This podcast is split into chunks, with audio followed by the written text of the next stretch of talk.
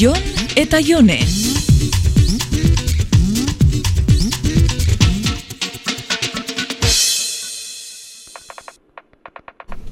Jon, bazkaltzeko planik, Ez, joango gara pintxo batzuk jatera? eguraldia aldatzekotan dela esan dute. Eta taberna barrukaldian ez dau euririk eitzen. Ordu bisetan tontodromo parian. Bale.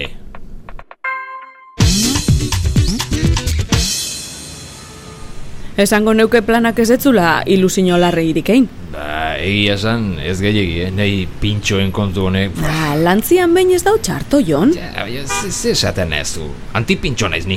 Ai, klaro, zu beti antizaralako. Bea, gustatzen zaizkit pintxoak, baina kobratzen dutena astakeri utxe iruditzen zait. Gentia libre da eskatzen detzena ordaintzeko ero ez. Claro, horretik ez nahi ni pintxota joaten, gainera beti jendez gainezka joten dira tabernak, oso, oso, oso deserosoa da. Bueno, baina astian zihar ez da inbesterako. Benga, ez izan agoniaz bat, Jon. Be, azkenean barra gainean hamar ordu daraman tortilla jaten bukatzezu, eh? Edo barrukaldea izoztua daukan kroketa bat. Zu baizu bihotz hotzeko kroketia.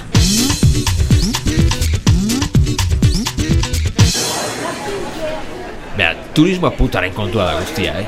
Pintxoen herrialdea bihurtu gea, sukaldari eta tripazainena.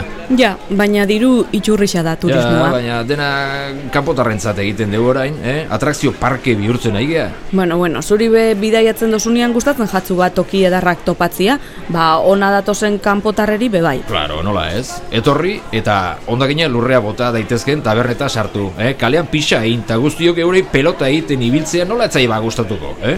Baina joan zaiteztu behaien herrialdetara, eta egintzazu haiek hemen egite dutena. Bueno, laga txapia emotiari eta jaizu pintxua, ostuko jatzuta. Ta, ta gero fritxupito eta tontakeri horiek, eh? Kanpotarrentzat oferta eta abantailak, eta bertako entzaze, Untxe bertan zure diskursuak isa lepenen alderdikoa diruri. Ja, Eh, esan zazu nahezuna, baina hiritarrok urte osoan zabor bilketa, ura, garbiketa eta beste mila zerga ordaindu. Ta gero gaizki ikusita dago zentroa kotxez geistea. Ta bestetik, turisten autobusak erdi erdian aparkatzeko eskubidea daukate. Bueno, Jon, hortaz bizidan hiri badau eta presioa ordaindu beharra dau. Hortaz bizi den hiria, bera, batzu biziko dira horretaz, eh? Zerbitzu hiri bihurtzen egia. Ta hirugarren sektore miseria ordaintzen da gaur egon. Hau, hau desastre hutsa da. Mm, esan detzu inoiz barufaki zentrazia dakazula.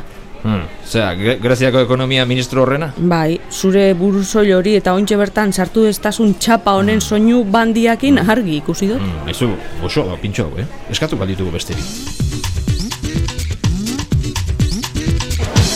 Mm, taberna honetako antxoak zoragarrisak dira. Mm, suposatzen dezuek funtzionariek kafea eta pintxotara ateratzeko tartea izaten duzuenez ongi kontrolatzen dezuela gaia, eh? Bueno, nahikoa da jon, ez badozu nahi bagoiaz, baina neri behintzat laga disfrutatzen. Bale, bale, Alkarrekin pintxo batzu jatera urten garazen lehenengo aldixa da. Relaja osaitxe barufakiz. Merkelek agintzen bait, etzai beste remidori geratzen, eh? Erateko, A ber, ze, ze eskatzen dute pintxoa dituek antxoarekin batera. niretako berdejo bat eta zuretako amoniakoa eskatuko, pesau. Hmm, ba, antipintxo izateko dozena bajando zu gitxienez. Bueno, behin hasi ez gero, pf, gainera bakizu, etxaia ezin behar menperatu, ba, egin zaitez zaren lagun, eh? Hain txartoz dozu pasau orduan. Segero jintonikekin hasi zaranean, Bueno, zuregatik sakrifizioa egin dut. batzutan ondo dau, zure irixan bertan be turistiana itxia, Jon. Aizu ba, etxera joan aurretik rematatzeko zeatik ez dugu elatua jaten. Ah, ba kondizio bakarrakin. A ber, zer?